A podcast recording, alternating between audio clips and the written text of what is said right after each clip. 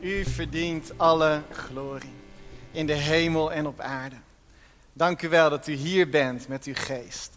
En ik bid op dit moment ook, vul onze harten. Open de oren, de ogen van onze harten.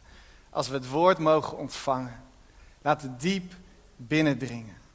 Levend, krachtig, scherper dan enig tweesnijdend zwaard. Om dat te doen in onze harten, wat u alleen kan. En Jezus, ik bid ook dat u hier staat naast mij en mijn hand vasthoudt. Als ik dit woord met u mag brengen. En dat bidden we in Jezus' naam. Amen. Goed om uh, hier vanochtend te zijn in jullie midden. Ik ben meestal uh, op zondag uh, op de centrumlocatie. Dus zoals Paulus dat altijd doet, breng ik dan ook maar weer opnieuw de groeten over vanuit de centrumlocatie. We zijn heel erg blij met ja, de hele stadskerk. We voelen ons ook vol verbonden met de hoofdlocatie, met een ieder van jullie en ja, wat hier ook gebeurt. God is krachtig bezig in de binnenstad. Anderhalf jaar geleden, nadat we de lockdown-tijd een beetje achter de rug hadden, hadden we op een gegeven moment een leidersmeeting. En ja, daar bleek ook dat een aantal leiders gingen stoppen. En eigenlijk was dat ja, eigenlijk een volgende stap van veel vrijwilligers die we tijdens de lockdowns al verloren hadden. Zoals dat in veel kerken gebeurde en ook in veel bedieningen, ook hier in de stadskerk. Maar het ontmoedigde mij enorm. Want we waren natuurlijk vier jaar geleden met 50 mensen begonnen, maar van die 50 waren er nog maar weinig over. En ook van ja, alle mensen die in de eerste anderhalf jaar waren gekomen in de centrumlocatie, ook daar was nog maar weinig van over. En de leiders die overgebleven waren, ik keek hen in de ogen en ik zei, misschien moeten wij ook maar de conclusie trekken dat we beter de stekker eruit kunnen trekken. We hebben het geprobeerd, we hebben onszelf gegeven en soms moet je ook accepteren dat het gewoon is mislukt en dat je hebt gefaald. En de andere leiders, Klaas en Marja Oudman, Manuel Alinde Sumahu en Bart en Guus van der Heijden, ze keken mij aan en ze zeiden: Nee, God is nog lang niet klaar in de binnenstad. We gaan zeker niet stoppen. Maar ik dacht, we hebben niks meer. Vier jaar geleden waren we zo goed voorbereid. We hadden al onze teams al klaar voordat we de eerste dienst hielden. En we hadden nu bijvoorbeeld maar één gitarist. Dat was de hele muziek. We hadden geen technici, projectie of geluid. Ik dacht, hoe kunnen we een dienst doen? Maar samen kwamen we tot de conclusie: we hebben alles wat nodig is om kerk te zijn. Want we hebben Jezus. Amen. Dat is genoeg. Dus oké, ik werd bemoedigd. En wat is het belangrijk dat we vrienden van geloof om ons heen hebben op momenten dat we zelf even geen geloof hebben. Ik heb dat nodig.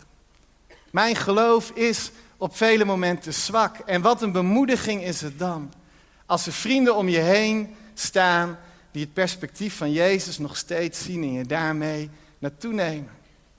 En vorig jaar september begonnen we dus een soort van opnieuw. En we waren nog met 30 mensen over. En we wisten niet hoe we de diensten gingen houden. Maar God, die zegende, vanaf zondag 1 kwamen we nooit tekort. En inmiddels komen er weer meer dan 200 mensen iedere zondag samen in Huizen Maas. En regelmatig moeten we de stoelen zijn niet aan te slepen om iedereen een plek te kunnen geven. En de bezoekers zijn met name jonge mensen, studenten. We hebben daar eigenlijk niet eens per se voor gekozen, maar God geeft deze groep en veel jongeren die geworsteld hebben, ook tijdens de coronatijd, tijdens de lockdowns. Met het leven, met God.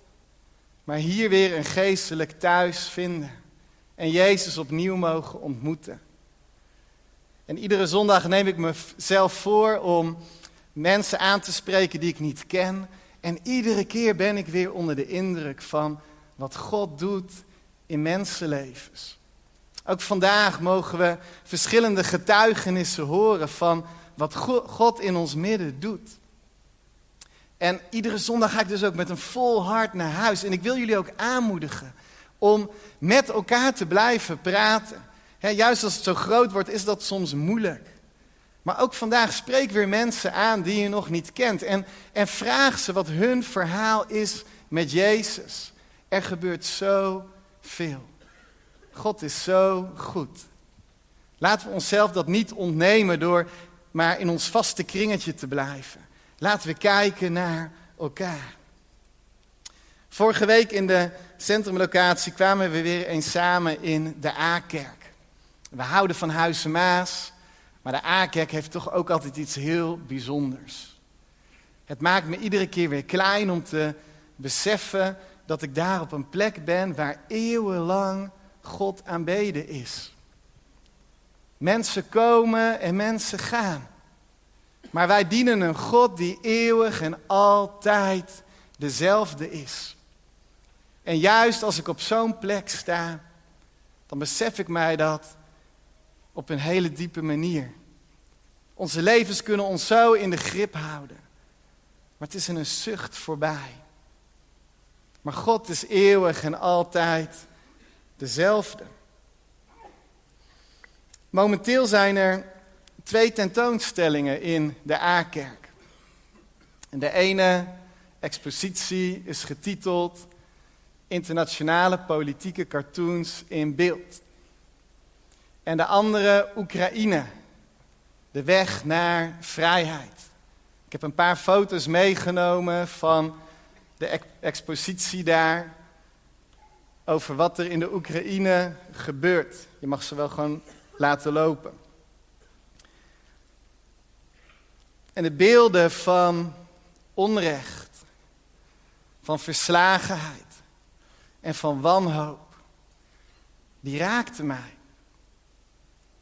En het bijzonder de lege blikken van jonge mensen die getekend zijn door de oorlog. En Oekraïense fotografen die maakten een fotodagboek en ze schreef daarbij: Oorlog is de meest verschrikkelijke manifestatie van de mensheid. Geen film, geen boek, geen foto kan de gruwel overbrengen van wat er gebeurt. Zelfs de persoon die in de oorlog leeft, is zich niet volledig bewust van al deze pijn. Omdat het onmogelijk is ermee te leven.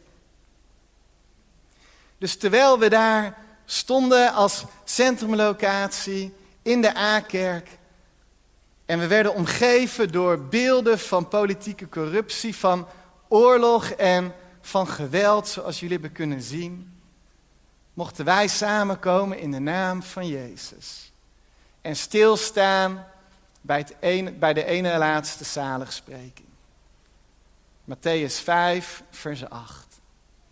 Gelukkig zijn de vredestichters, want zij zullen kinderen van God genoemd worden. Ik vond dat bijzonder, dat het ook weer precies zo uitkwam. Er is veel ellende om ons heen. Maar God roept zijn kerk. Jezus roept jou om een vredestichter te zijn.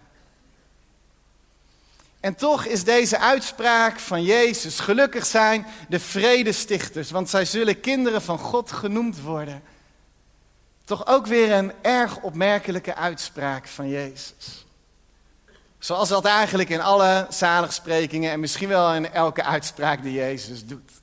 Jezus die keert altijd de wereld weer op zijn kop. Alles wat wij logisch of normaal vinden, draait hij weer om. En ook deze uitspraak roept vragen op. In ieder geval bij mij. Want is het nou zo dat Jezus hier zegt dat het stichten van vrede een voorwaarde is om een kind van God te zijn? Hè, maar we, we worden toch kinderen van God door Jezus aan te nemen als onze redder en Heer. Het is toch alleen door onze verbinding met Jezus Christus, de Zoon van God zelf, dat wij ook zonen en dochters van de Allerhoogste genoemd mogen worden. Hebben wij niet al die jaren hier geleerd dat je niets kunt doen om een kind van God te worden, maar dat het aan je gegeven wordt als een kostbaar cadeau, als genade?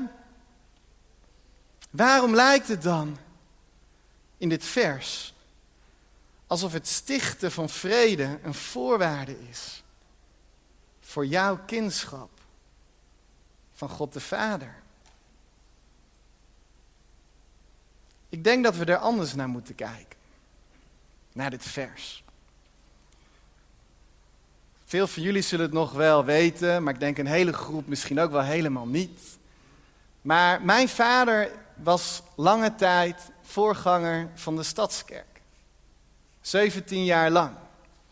En ruim acht jaar geleden, ja zo lang is het alweer, is hij overleden.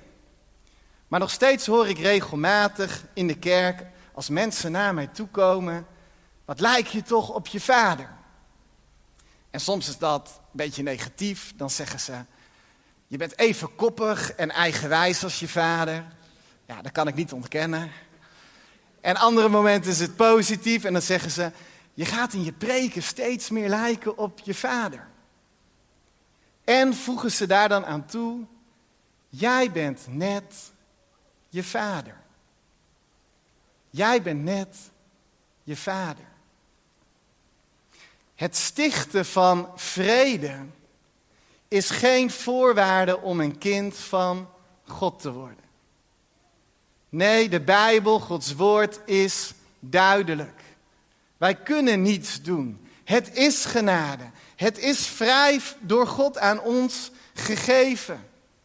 Wij zijn kinderen van God, niet op basis van iets wat we gedaan hebben, maar puur en alleen omdat we geloven in Jezus Christus. En Hij is degene die ons verbindt aan de Vader. Door Hem zijn we geadopteerd in Gods gezin. Maar als wij als kinderen van God vrede stichten hier op aarde, dan zijn wij net onze Vader. Dan zijn we net Vader God. Dan weerspiegelen we Zijn hart en Zijn karakter hier op aarde. Dan zullen wij in de hemel en op aarde kinderen van God genoemd worden. Als wij vrede stichten, wordt onze Vader zichtbaar. Mooi toch? Ik wil graag op mijn vader lijken. Ik wil als de mensen naar mij kijken dat ze zullen zeggen, die Mark dat is net Vader God. Hij bezit de eigenschappen die God zelf bezit. Dat willen we allemaal toch? Dat is toch ons verlangen. Dat we gevormd worden in dit leven en steeds meer op Hem gaan lijken. En niet alleen wij willen dat. Nee. De hele schepping. De hele wereld om ons heen. Verlangt ernaar dat wij gaan laten zien wiens kinderen wij zijn. Hoe weet ik dat?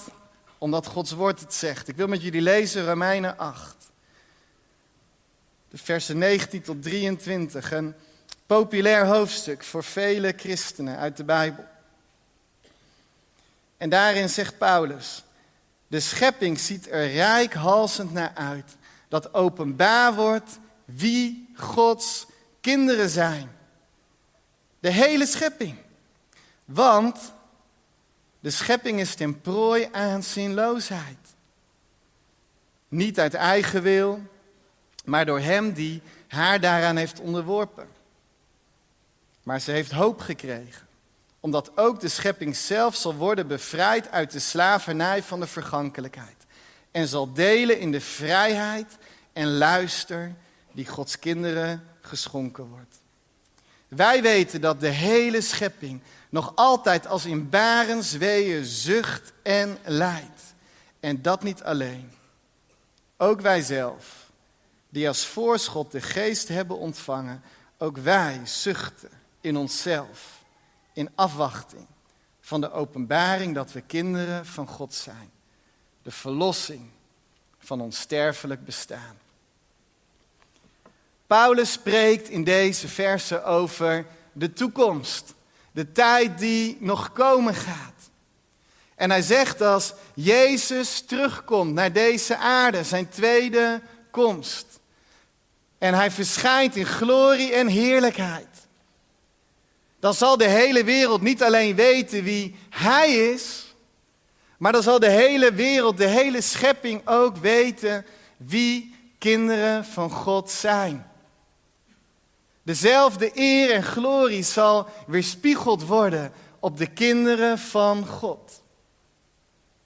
Maar Paulus spreekt hier niet alleen over de tijd die nog komen gaat. Hij heeft het ook over het heden, over het hier en nu. Paulus die zegt, nu al ziet de hele schepping rijkhalsend uit naar dat moment. De schepping zucht en lijdt en wacht. En waar wacht ze dan op? Ze wacht op jou. Ze wacht op ons. De wereld om ons heen wacht totdat zichtbaar wordt wie de kinderen van God zijn. En wat straks ten volle zal gebeuren, daar mogen we nu al in gaan wandelen. Daar mogen we ons nu al naar gaan uitstrekken. De wereld om ons heen wacht op ons. En waar wacht ze dan precies op? Het is logisch dat de wereld wacht op Jezus, toch? Zelfs als mensen dat zelf niet weten, kunnen wij als christenen ons dat goed voorstellen. Ze wachten op Jezus, maar dat de wereld wacht op ons, op jou, op mij, dat gaat ons verstand te boven. Maar waar wacht ze dan precies op? Nou, de ervaring heeft geleerd dat de wereld om ons heen in ieder geval niet wacht op jouw standpunten over LHBT. De wereld om ons heen is niet geïnteresseerd in jouw standpunten met betrekking tot vaccineren of de overheid. Of dat nu hier in Nederland is of in Amerika of in Rusland. En ook niet in jouw visie op de eindtijd of jouw drang voor het ontmaskeren van dwaalleraren. Ik zeg niet dat je niet gelijk hebt. Ik zeg ook niet dat het niet belangrijk is wat je vindt. Maar ik zeg op basis van Gods woord dat deze wereld, dat de schepping waarin wij leven, wacht op iets heel anders. Uitziet naar iets heel anders. Zij wacht op het openbaar worden van de kinderen van God. En hoe worden de kinderen van God openbaar? Nou, zegt Jezus. Gelukkig zijn de vredestichters. Want zij zullen kinderen van God genoemd worden. Niet degene met de sterkste mening. Niet degene met de beste argumenten. Niet degene met de meeste kennis. Maar de vredestichters. Zij zullen kinderen van God genoemd worden.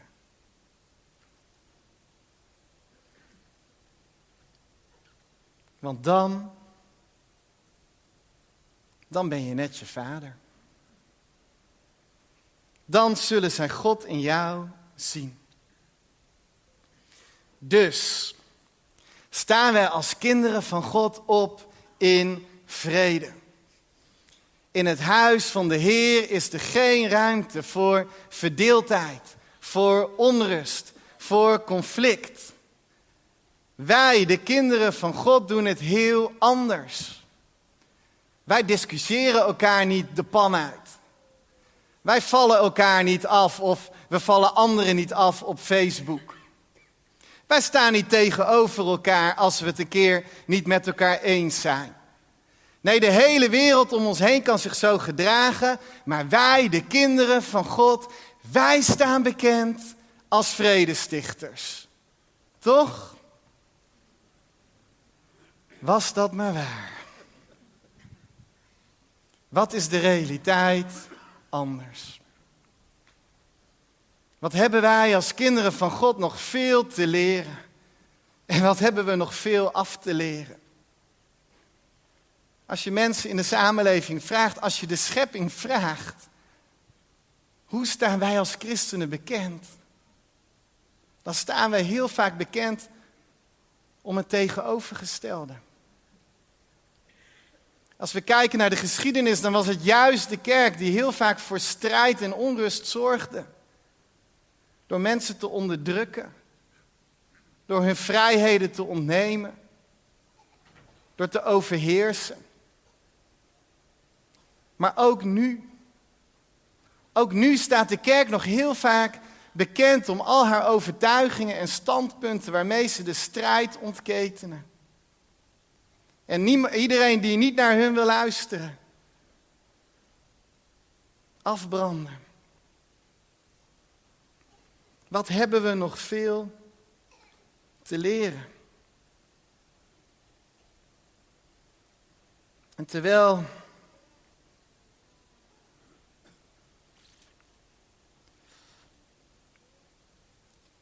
Wat hebben we nog veel te, opnieuw, sorry, opnieuw daagt Jezus ons dus uit in deze zaligspreking. Om te sterven aan onszelf. Om onze eigen wijsheid, onze eigen inzichten, onze eigen overtuigingen los te laten. Opnieuw draagt Jezus uit in zijn onderwijs om onszelf niet zo serieus te nemen. Och, wat nemen we onszelf als mensen en ook als christenen toch serieus. Maar Jezus zegt, het maakt niet zoveel uit wat jij vindt en denkt. Sterf aan jezelf. Mag ik komen met mijn leven? Mag ik jouw leven leiden? Mag ik jou vormen tot een vredestichter?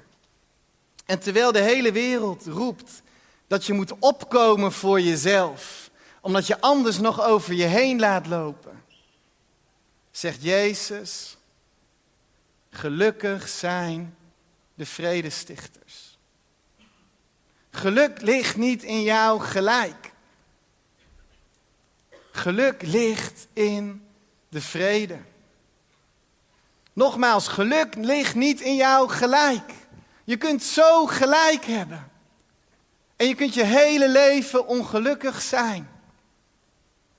Geluk ligt in het zoeken, in het stichten, in het strijden voor vrede. Maar wat is vrede dan precies? Vroeger op de basisschool, als je ruzie had met een klasgenootje en je wilde niet meer met elkaar praten, dan kwam de juf erbij en die dreef je naar elkaar toe en die zei: geef elkaar een hand, kijk elkaar in de ogen en zeg vrede. En als je dat dan deed, dan was de ruzie afgelopen en kon je weer samen spelen. Ook als volwassenen is dat heel vaak hoe we kijken naar vrede. De afwezigheid van oorlog of conflict. En we denken als de oorlog in de Oekraïne maar overgaat, dan is er vrede. En als politieke, corrupte machthebbers in derde wereldlanden opstappen, dan komt de vrede. En als de verdeeldheid in onze maatschappij tussen mensen en groepen verdwijnt, dan is er vrede. Maar de vrede waar de Bijbel over spreekt, gaat veel dieper dan dat. Het Griekse woord irene gaat veel dieper dan dat. Want de Bijbel zegt dat de irene, de vrede van God, alle verstand te boven gaat. De vrede van God is niet te beredeneren. Het is niet te begrijpen. Het is helemaal niet logisch. Je kunt door het diepste dal gaan. De stormen om je heen kunnen hevig tekeer gaan. Je kunt de meest verschrikkelijke dingen meemaken in je leven. En toch de vrede van God ervaren. Ik kan ervan overtuigen. De vrede van God gaat verder dan jouw situatie en jouw omstandigheden. De arene van God, de vrede van God, gaat je verstand te boven. En dat, lieve gemeente, dat is precies waar deze wereld zo hartstochtelijk naar verlangt. Er is zoveel kapot in deze wereld. Er is zoveel pijn en verdriet. Misschien in je eigen leven, maar in ieder geval om je heen. Er is zoveel chaos in onze maatschappij. Maar zelfs in de levens waar aan de buitenkant alles op orde lijkt, verschuilen zich onrustige zielen.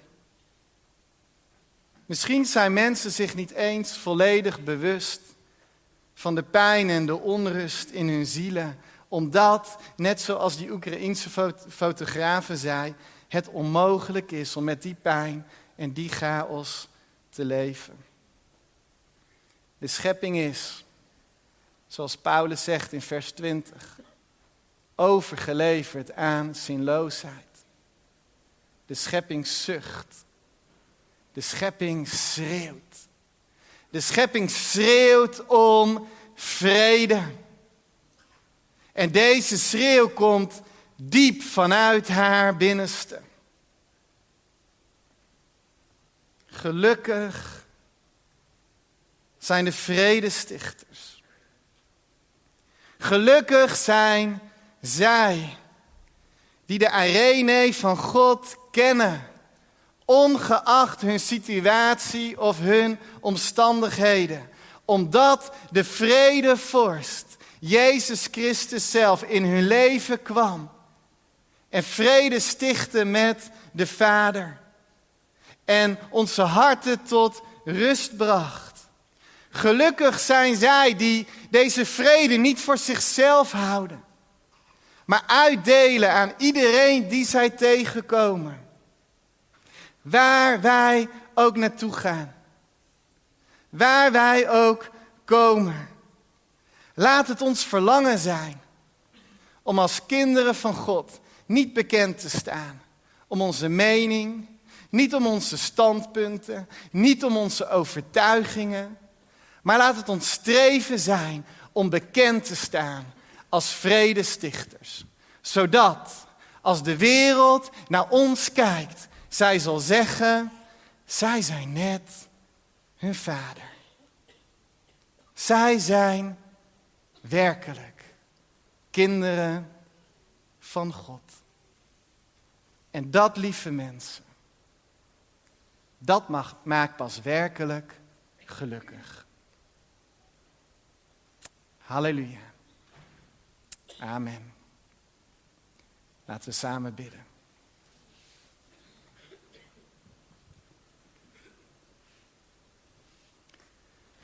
Koning Jezus, wat houden we van uw hart? En wat houden we ervan dat u elke keer alles weer op zijn kop weet te zetten, ook in onze levens? Waar wij ons zo vaak zo druk maken over wat we zelf vinden en wat in onze eigen gedachten wijsheid is. Wat logisch is, wat het beste is. Draait u alles gewoon weer om. O Vader, wat verlangen we naar het kennen van uw hart. En wat verlangen we ernaar om u te weerspiegelen in ons leven, in de plaats van onszelf. Heer, leer ons toch hoe we kunnen afrekenen met onszelf. Hoe we kunnen sterven aan onszelf. Hoe we daadwerkelijk uw hart en karakter kunnen weerspiegelen in deze wereld die zucht en die lijdt. Hef ons op als uw kinderen. Laat ons toch zien wie u bent. Vorm ons zoals de pottenbakker zijn klei vormt. Maak ons gelijk aan uzelf. En vergeef ons al die keren dat we bekend stonden om iets anders dan om uw hart en karakter. Vernieuw ons. Laat ons een kerk zijn van vredestichters. En om daar te komen bidden we ook dat uw vrede diep mag indalen in onze harten. U kent onze situaties en omstandigheden. We weten ook dat onder ons pijn en verdriet is. Maar kom met uw vrede. Want als wij u vrede gezien hebben en geproefd hebben, als we uw hart en karakter hebben ervaren in ons leven, dan zullen wij ook in staat zijn om dat te laten zien aan anderen. Dus ik bid heel specifiek, Heer, kom op dit moment. In onze ziekte, in onze pijn, in onze verlatenheid, in onze eenzaamheid, in onze gebrokenheid, in onze chaos, in onze zorgen. Kom. En open onze ogen voor het zuchten en het wachten van onze buren, onze vrienden, onze collega's. Zodat wij door mogen geven wat u in onze harten doet. Dank u Jezus. Amen.